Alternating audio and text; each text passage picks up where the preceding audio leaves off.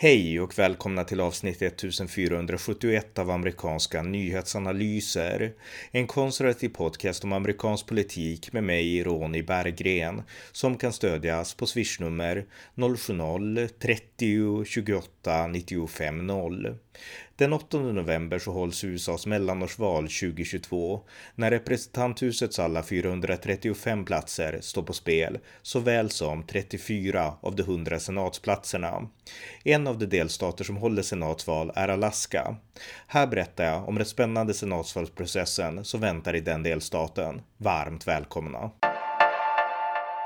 Ja, som sades i inledningen så är det alltså i år 2022 ett mellanårsval i USA.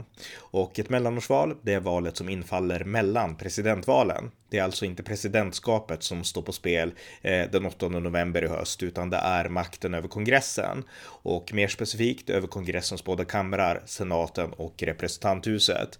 Och eh, i USA så är de här mellanårsvalen väldigt viktiga därför att USA har ju ett annat system än vi har till exempel i Sverige och i stora delar av Europa där vi har parlamentariska system som innebär att det största partiet eller den största eh, koalition av partier bildar regering och på så vis har man alltså makten över både regeringen och över den lagstiftande församlingen här i Sverige, riksdagen. Eh, I USA fungerar det ju inte så, utan där röstas det separat till den lagstiftande församlingen, kongressen och till den till regeringschefen då presidenten. Och det innebär att eh, i USA så kan en president få regeringsmakten men inte ha sitt parti som styr kongressen och det innebär att eh, i så fall så riskerar den presidenten att bli en lame duck president. En eh, president med makt att eh, fatta de exekutiva besluten men inte makt att driva sin egen policyagenda och liksom stifta lagar i enlighet med sitt och sitt partis ja, riktlinjer och ramverk. Så att den risken finns alltid i USA och som läget är nu så styr ju Demokraterna både senaten och representanthuset. De har inte en supermajoritet i senaten, men de har en majoritet och eh, det innebär ändå att eh, ja, att den lagstiftande processen går i synk och reformerna och så med det presidenten i det här fallet Joe Biden vill. Så att för Demokraternas del så står det väldigt mycket på spel eh, nu, nu den 8 november och för Republikanernas del står det såklart också mycket på spel därför att de vill ju få mer inflytande och bli en tydligare och starkare opposition som kan sticka hål på liksom Bidens agenda. Så att ett väldigt viktigt mellanårsval i år eh, och eh, det här blir min första podd om det här mellanårsvalet. Jag brukar oftast podda eller blogga om, om mellanårsvalen och eh, ja, nu är det dags att inleda rapporteringen om det här mellanårsvalet. Så att eh, vi börjar nu och jag tänkte börja prata lite om det spännande senatsvalet som väntar i Alaska. Ja, jag tänkte då berätta lite om det mycket spännande och framförallt väldigt intressanta senatsvalet i Alaska den 8 november. Men innan jag gör det så följer här först lite bakgrundsinformation om Alaska, lite basic info. Eh, Alaska har faktiskt inte tillhört USA i tid och evighet, utan Alaska blev amerikanskt väldigt sent i historien. Eh, under lång tid så tillhörde Alaska Ryssland, men år 1867 så köpte USA Alaska av Ryssland på initiativ av USAs eh, utrikesminister William Seward. Så år 1867 så tillföll Alaska USA och sen förblev Alaska ett amerikanskt territorium ända tills 1959. Först då, 1959, så blev Alaska en egen delstat inom den amerikanska unionen, alltså för bara dryga 60 år sedan. Eh, så Alaskas egna politiska historia, den är alltså väldigt kort och Alaska har faktiskt bara haft 12 guvernörer, vilket inte är så mycket. Den nuvarande guvernören, han heter Mike Dunleavy och han tillträdde 2018, men 12 guvernörer allt som allt, det är inte så mycket. Men under den här ändå relativt korta historien så har det demokratiska partiet haft ganska stort historiskt inflytande i Alaska. Eh, men idag så har demokraterna nästan inget inflytande alls i Alaska, utan i Alaska så är det republikanerna som styr. Och eh, för att teckna en övergripande bild här av det så eh, styr republikanerna med supermajoritet Alaskas delstatssenat. I Alaskas representanthus så kan demokraterna styra genom att samarbeta med oberoende republikaner, men utan deras stöd så skulle det inte ha gått. Så att republikanerna har väldigt stark kontroll över Alaskas lokala politik och eh, Alaska har inte haft någon eh, delstatlig, liksom högpositionerad ämbetsman sedan 2018 när eh, Lieutenant Governor Byron Mellott eh, avgick. Det, det, var den senaste demokraterna att, att ha ett stort starkt ämbete i Alaska. Så republikanerna dominerar helt Alaskas interna politik och det är såklart också republikaner som Alaska har skickat till eh, kongressen i Washington DC då. Och eh, i representanthuset så har Alaska en, bara en representant och det är Don Young som är en republikan och han har faktiskt suttit i representanthuset som Alaskas representant ända sedan 1973, alltså nästan 50 år. jag vet inte om det är rekord, men det är otroligt lång tid som han har suttit i representanthuset.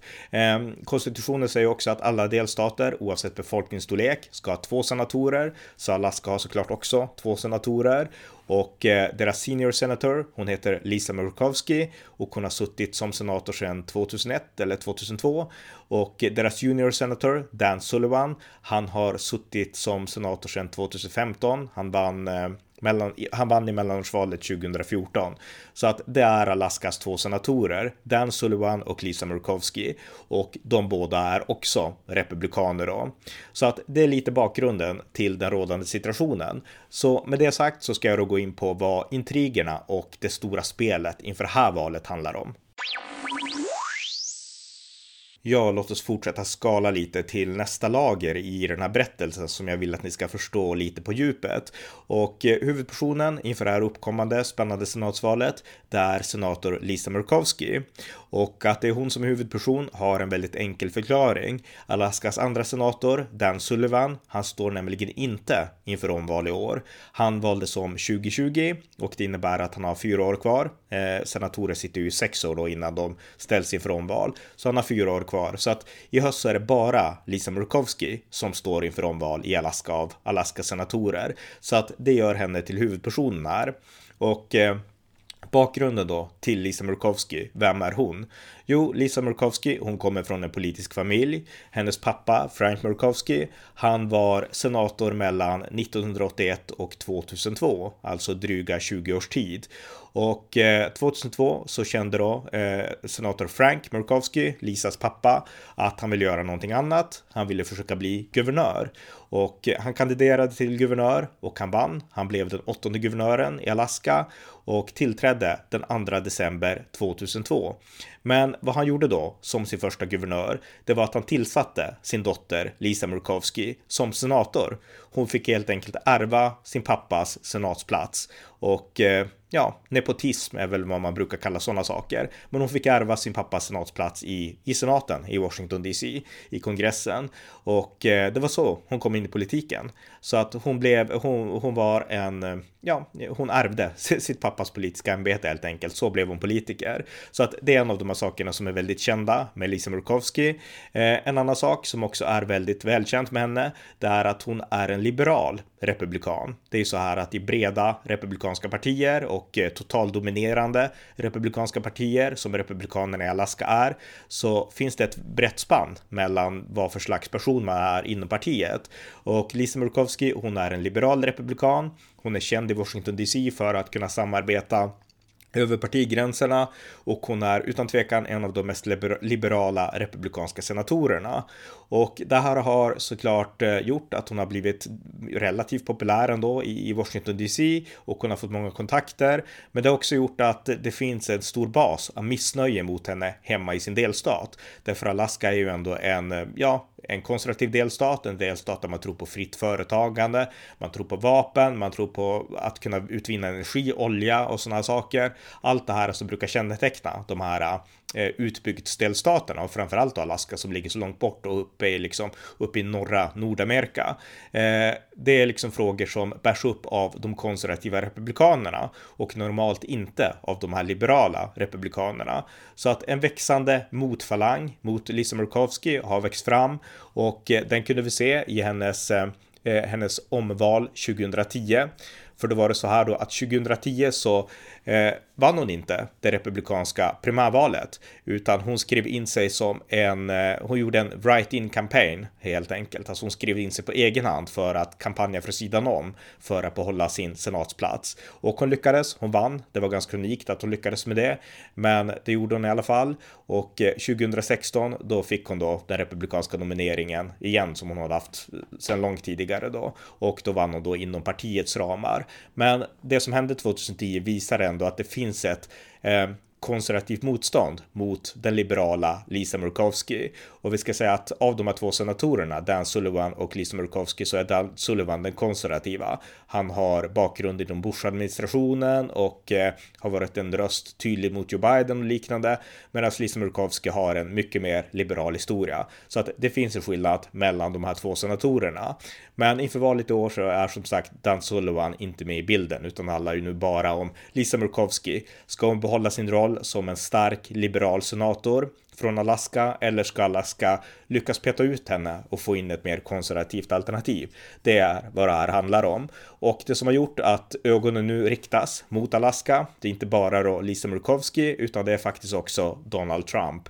Eh, för det är så här att Lisa Murkowski var en av de senatorer som röstade för att fälla Eh, Donald Trump i riksrättsprocessen, den här andra riksrättsprocessen då 2021. Och eh, Donald Trump, han lovade att kampanja mot henne. Han skulle göra allt för att se till att Lisa Murkowski inte vann sitt omval. Så att det finns en möjlighet att Trump åker till Alaska och kampanjar mot Lisa Murkowski. Och det här för oss till den person som eh, kommer att, ja, som Trump kanske kommer att kampanja för. Och det är en kvinna som heter Kelly Chewbacca och hon är det republikanska partiets officiella kandidat i Alaska. Eh, Lisa Murkowski, hon har inte fått partinomineringen utan partiets officiellt eh, nominerade eller utvalda, ska man säga, utvalda kandidat, det är Kelly Chewbacca.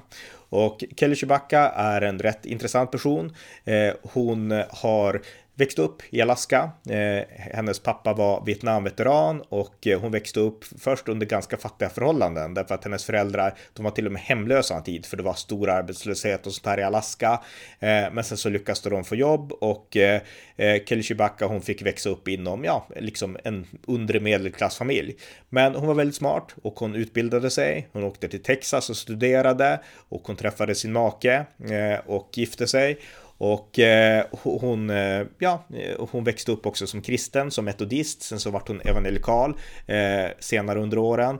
Och eh, hennes make är svart. Han, hans familj, hennes makes familj kommer från Kongo och eh, det är från honom hon också har fått det här namnet, Chewbacca. Och hon tyckte att det var kul när hon träffade honom för det lät som Chewbacca från Star Wars då och det tyckte hon var lite charmigt och sådär. Men hur som helst, hon är en konservativ eh, republikan och eh, hon eh, har, eh, ja, hon har en lång historia också som eh, att arbeta inom olika översynsmyndigheter i den amerikanska federala regeringen. Hon har arbetat i Washington DC under olika underrättelseverksamheter och genom att undersöka eh, alltså fusk inom myndigheter och sådana saker, ekonomisk fiffel och liknande saker. Så att hon har en lång historia eh, utifrån eh, de erfarenheterna. Hon är väldigt utbildad, högutbildad och eh, hon verkar av allt att döma, som jag har läst och sett, väldigt skärpt och väldigt så här, ja, karismatisk och även beläst. Alltså en väldigt smart person och en stark kvinna i sin roll som politiker och som person. Och eh, så här löd hennes eh, eh kandidatursvideo som hon släppte i mars 2021 och förra året när hon då beslöt att, att ställa upp i det här valet. In Alaska, it's different here. We're different and we're proud of that. We know what the DC political insiders in Washington, D.C. want to do. They want to change who we are, what we're about, and what we stand for. I'm Kelly Chewbacca. I'm running for United States Senate. I'm a conservative, pro life, pro Second Amendment, and America first. Always. I'm Kelly Chewbacca. I'm running for Alaska, and I approve this message.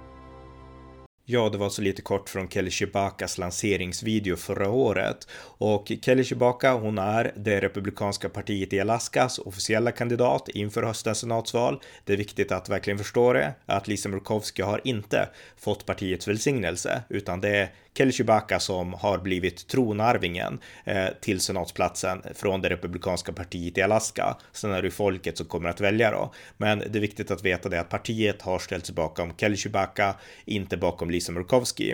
Eh, en annan person också då som har ställt sig bakom Kelly Chewbacca, det är som sagt Donald Trump och han har gjort det såklart för att de har gemensamma frågor som de tror på. Det här med frihet och de här sakerna som Kelly Chewbacca sa i sin ad eh, och eh, ja, Trump är för energiutvinning i Alaska på ett sätt som konservativa republikaner är för, men som liberala politiker från båda partier, Lisa Murkowski men även demokraterna då i Washington DC är emot. Så att det finns gemensamma nämnare där. Men det som kanske framförallt har gjort att Donald Trump har stött Kelly Chewbacca där såklart, dels hans motstånd då mot Lisa Murkowski, men också att Kelly Chewbacca har flörtat åtminstone med en del av de här valkonspirationerna. Eh, I december 2020 efter det här eh, ja, väldigt uppmärksammade presidentvalet den 3 november då gjorde Kelly Chewbacca ett Facebook-inlägg där hon liksom lekte lite grann med de här teorierna om valfusk och när jag har försökt gå igenom och läsa mer så har jag faktiskt inte hittat så här supermycket mer. Men det kanske finns, jag vet inte. Eh, men hon gjorde i alla fall det då och jag tror att det snappades upp av Trump. Så att de har byggt ett band. Hon har åkt till Trump Tower i New York och träffat Donald Trump. Det gjorde hon i höstas, om det var i december eller tidigare. Så att de har träffats och eh, Donald Trump har gett sitt officiella stöd till Kelly Chewbacca. Så att eh, när de pratar om Donald Trump och hennes relation till Donald Trump så säger hon oftast att vi har samma syn på samma frågor och eh, Donald Trump är väldigt populär i Alaska. Han vann i Alaska 2016, han vann i Alaska 2020 så att hon försöker betona de här eh, gemensamma nämnarna. Och jag har när jag sett intervjuer med henne faktiskt inte hört henne prata om valfusk utan hon försöker prata om andra saker. Och det indikerar för mig i alla fall att hon kanske bara flörtade med den här tanken lite grann där i december 2020 och sen så ja, vill hon helst liksom koppla till andra frågor och att det kanske var mer bara det som fick Trump på kroken. Men, men jag vet inte, jag har inte liksom detaljkunskaperna om hennes syn på valet här. Men ja, det är liksom ändå lite av hur hon kopplade med Trump skulle jag gissa i alla fall.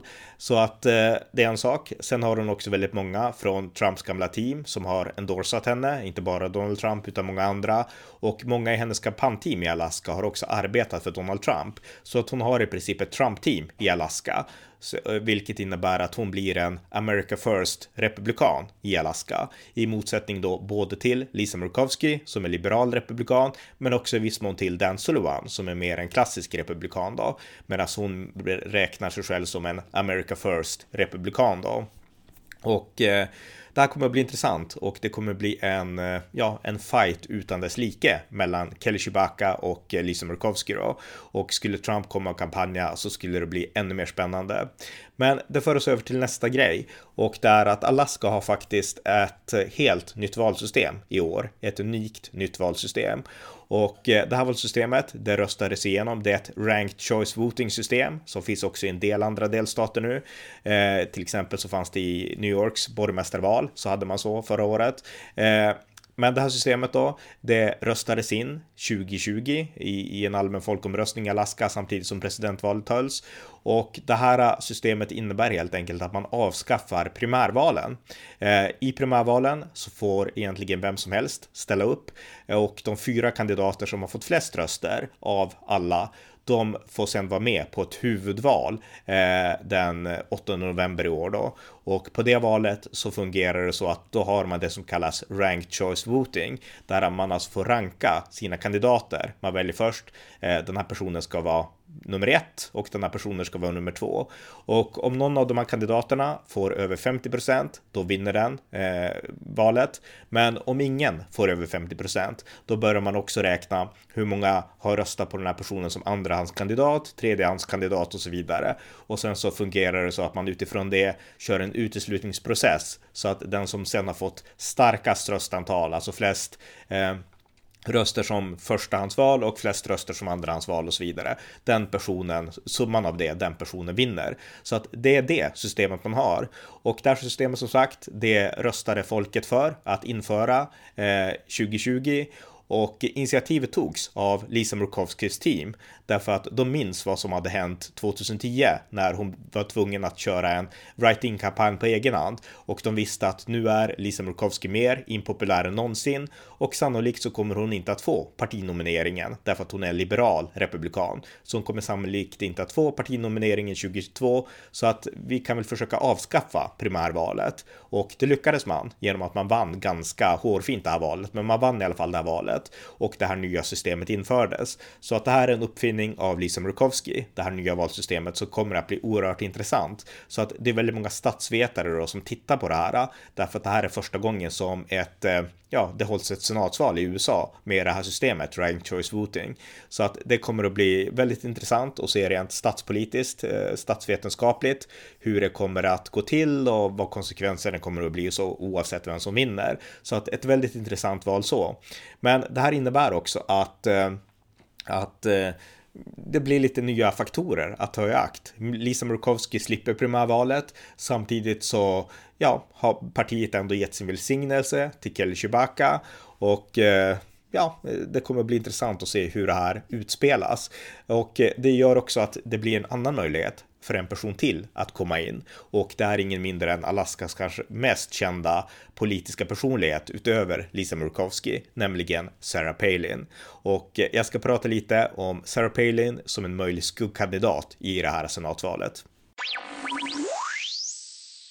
Ja, när man hänger med i politik dagligen som jag gör och är en politisk, amerikansk politisk nörd som jag också är, då känns det som att det var igår som Sarah Palin dök upp på scenen. Men det har faktiskt gått 14 år sedan hon blev känd för en internationell allmänhet. Det var i presidentvalet 2008 som hon, som var Alaskas guvernör, hon tog faktiskt över 2006 efter Frank Murkowski, Lisa Murkowskis far, och eh, hon rensade upp korruptionen som fanns i Alaska. Eh, men 2008 då, när det var presidentval, då var John McCain, Republikanernas presidentkandidat och eh, han kampanjade faktiskt på budskapet, det var hans kampanjslogan Country First, alltså nästan som America First fast Country istället för America, Country First. Det var John McCains kampanjslogan och han kandiderade då mot Demokraternas kandidat Barack Obama.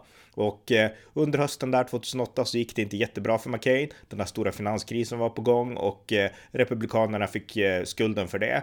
Och eh, John McCain sökte ett sätt för att eh, få liv i sin presidentkampanj och då hittade han Sarah Palin, guvernör då i Alaska och eh, en republikansk eh, karismatisk person som han valde som sin vicepresidentkandidat.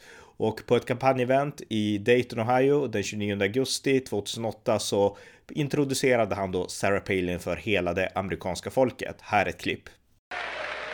To help me fight the same old Washington politics of me first and country second, my friends and fellow Americans, I am very pleased and very privileged to introduce to you the next Vice President of the United States, Governor Sarah Palin of the great state of Alaska. Thank you so much. And I thank you, Senator McCain and Mrs. McCain, for the confidence that you have placed in me. Senator, I am honored to be chosen as your running mate. Some of life's greatest opportunities come unexpectedly. And this is certainly the case today.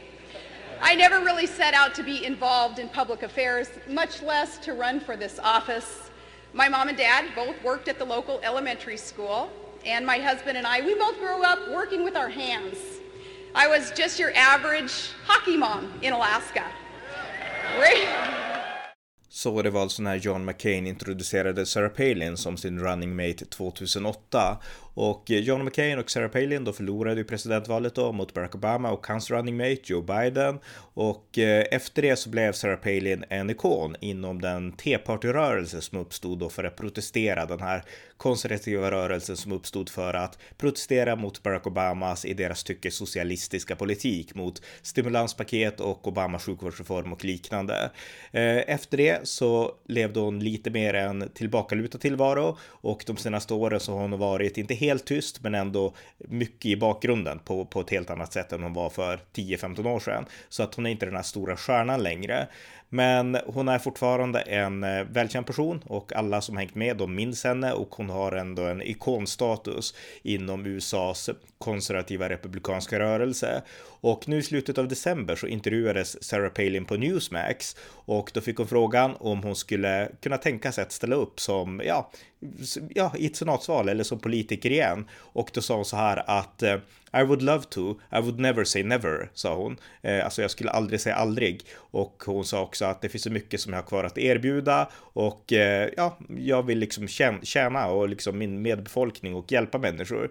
Och eh, det behövs common sense liksom i, i dagens värld, sa hon. Och eh, det indikerade ju ändå att hon kunde vara öppen för en senatskandidatur. Och nu med de här nya reglerna som jag nu har berättat om så behöver inte heller hon vinna något primärval, utan hon kan kandidera som alla andra och får hon då en topposition bland de fyra största så får hon vara med på rank choice voting då den 8 november. Så att det finns en möjlighet. Men eh, då finns det en ny konkurrent nu, en ny republikansk stjärna som är inte alls tillnärmelsevis lika känd som Sarah Palin, men som ändå är på uppgång och som har fått uppbackning av det lokala republikanska partiet i Alaska såväl som av Donald Trump, nämligen Kelly Chewbacca. Och eh, Sarah Palin, hon sa i intervjun att, eh, ja, hon sa så här att att hon aldrig ens, never heard of Kelly Chewbacca. Så hon sa alltså att hon aldrig ens har hört talas om Kelly Chewbacca, vilket är rätt intressant då. Så att, eh, ja, kommer att bli en fight mellan de här två, vem vet? Och om Sarah Palin ställer upp, skulle hon då kunna vinna? Skulle hon kunna ta för givet att den här rörelsen som backade upp henne för 10-14 år sedan, att den finns kvar och att hon skulle kunna ja, kamma hem hela racet? Eh, mitt svar är att det är inte säkert. Dels på grund av att Lisa Murkowski är en stark personlighet, alltså hon har starkt stöd i, i delstaten, annars hade hon inte kunnat sutta, suttit nästan 20 år. Eh, men också på grund av det jag nyss sa, att Kelly Chewbacca är ändå ett nytt stjärnskott. Hon har mycket att bevisa fortfarande och mycket att visa och hon är inte alls lika känd som sagt som Sarah Palin, men hon har stöd både av Trump-rörelsen, den här America First-rörelsen och av det republikanska partiet i delstaten. Så att, eh, ja, vem vet hur en sån matchup skulle se ut? Och det är en av de här sakerna som gör det här äh, racet så otroligt intressant i Alaska. Om Sarah Palin ger sig in i leken, jag menar, då får vi se ett gigantiskt, alltså då blir ju Alaska fokus för all möjlig politisk uppmärksamhet. Sarah Palin som ställer upp mot en Trump-kandidat som Trump kommer kampanja för, också mot den här liksom liberala republikanska liksom, eh, ja, giganten Lisa Murkowski. Alltså det kommer bli oerhört spännande då, slaget om Alaska, om så skulle bli fallet. Så att vi får se, det vet jag ju inte om Palin kommer att ställa upp eller inte, men det vore otroligt intressant. Och det är också i kombination med det här äh, nya unika valsystemet. Så att eh, vi får se, jag kan inte avgöra den saken. Men det jag kan säga däremot, och det är det jag vill avrunda med, det är att jag tror att eh, Oavsett om Palin ställer upp eller inte så kommer Kelly Chewbacca att bli svartmålad på samma sätt som Sarah Palin blev svartmålad. För vi ska komma ihåg att eh, Sarah Palin blev djupt svartmålad av liberaler i USA och även av svensk media. Och eh, det var en väldigt elak nidbilder av liksom Sarah Palin som målades upp. Alltså här har vi något så unikt som en kvinnlig vicepresidentkandidat 2008 när hon då var Sarah Palin running mate till John McCain. Och hon eh, utmålades som en total idiot, vilket hon inte är. Hon utmålades som någon total liksom vansinnig kristen, vilket hon inte heller är. Men rubrikerna gick åt det hållet. Och jag läser en rubrik här från Svenska Dagbladet 2008. Rubriken lyder, den bild på Sarah Palin. Eh, och rubriken lyder på deras ledarsida här kommer den amerikanska dumhögern, lyder rubriken på Svenska Dagbladet. En annan rubrik från Svenska Dagbladet lyder eh, Palin för kvinnor att stödja Obama. Så lyder rubrikerna. Och eh, sätt de rubrikerna i kontrast till hur Svenska Dagbladet skrev om Kamala Harris. Eh, nu när hon skulle bli vicepresidentkandidat åt Joe Biden och sen blev vicepresident då, då löd en rubrik i Svenska Dagbladet. Plötsligt blev debatten mer spännande och en annan rubrik rasistiska påhopp mot Harris efter beskedet. Alltså i Palins fall så liksom vill man nedvärdera henne och i liksom Harrys fall så vill man upplyfta henne då. Och eh, ja, det är helt vansinnigt. Dels för att Harris saknar all, all, kompetens, det vet vi idag. Sarah Palin hade jättemycket kompetens. Hon var en effektiv guvernör i Alaska. Hon är kvicktänkt, hon är smart och hon är bra på att fatta tydliga beslut. Det, jag har följt henne länge så jag vet att det är så. Men ändå vart hon svartmålad på grund av att hon var republikan, kristen och hade de här Eh, den här konservativa synen på allt ifrån vapen till liksom sin roll som hockeymam och liknande. Och eh, det finns många likheter mellan Sarah Palin och Kelly Chewbacca, även om de här två i en potentiell matchup skulle vara konkurrenter så har de mycket gemensamt. Kelly Chewbacca är också även en lokal kristen. Hon är också en person, hon har fem barn, så att hennes mammaroll är väldigt viktig och eh, hon är också konservativ i alla de här frågorna, pro-life, pro-vapen och så vidare. Så att hon har precis samma liksom, hon är precis samma måltavla som Sarah Palin var. Och det är värt att komma ihåg det när de här liksom, nu är det ju inte en kamp mot demokraterna främst, men förmodligen kommer de här nidbilderna drivas av Lisa Murkowski och eh, kanske även av demokraterna. Och eh, det är inte alls omöjligt att svensk media hakar på med samma drev, därför att det är så svensk media har gjort så länge, även om vissa tendenser finns på att svensk media har blivit lite bättre än de var för tio år sedan. Men, men eh, ja, möjligheten finns att hon utsätts för samma svartmålning som Sarah Palin. Men Kelly Chewbacca, hon verkar vara beredd på det och hon är mer bildad än Sarah Palin. Kelly Chewbacca är, är alltså en akademiker, vilket inte märks därför att de här amerikanska politikerna som har en akademisk bakgrund, de hänger liksom inte det högst upp på hatten som svenskar gör. Jag är akademiker, sen pratar man akademiska och gör de här analyserna som ska låta neutrala, utan man kombinerar djup, djup kunskap med politisk erfarenhet och med handlingskraft. Och det är det som skiljer amerikanska politiker från till exempel svenska politiker. Och vi tolkar oftast det som liksom lite dumhet, alltså att liksom de är så extroverta och de fattar snabba beslut. George W. Bush vart ju också utmålad så. Det måste betyda att de är obildade. Och det gör det inte, utan det betyder bara att de är handlingskraftiga och vet att som politiker måste man vara liksom handlingskraftig. Man kan inte liksom resonera ut med näsan i en bok eh, när man fattar politiska beslut. Det är det som amerikanska politiker, konservativa, oftast förstår. Medan de här eh, mer akademiskt lagda politikerna i Sverige, sen bör sägas att svenska politiker är ju inte akademiker heller, utan vi har ju politiker som kombinerar handlingsförlamning med att inte vara akademiker. Rätt intressant då. Men i huvudsak kan de vara akademiker som Barack Obama, väldigt akademiskt lagd, måste resonera tio timmar för att fatta ett beslut och sådana saker. Och eh, det finns fördelar med det, men det finns också nackdelar. Och de här republikanska kandidaterna, de kombinerar det akademiska med liksom samtidigt en handlingskraft. Och den egenskapen har, utifrån min lilla bedömning nu, Kelly Chewbacca och kanske till och med på ett starkare sätt än Sarah Palin. Så att det ska bli jätteintressant att följa det här valet valet. Och eh, ja, som sagt, den 8 november smäller det, men det kommer att hända mycket, mycket mer innan dess. Men det var det med den här podden som jag ville få sagt, alltså ett, eh, ett spännande race väntar i Alaska, framförallt då mellan Kelly och Lisa Murkowski. Men det är inte helt omöjligt att vi också får se Donald Trump besöka delstaten och Sarah Palin ge sig in i leken igen och eh, ja, ett spännande senatsval oavsett. Det var avsnitt 1471 av amerikanska nyhetsanalyser. En podcast som syftar till att informera svenskar om amerikansk politik ur det konservativa perspektiv som inte skildras i svensk media. Stöd gärna på swishnummer 070-30 28 95 0 eller via hemsidan på Paypal, Patreon eller bankkonto. Det var allt för den här gången. Tack för att ni har lyssnat. Thank you.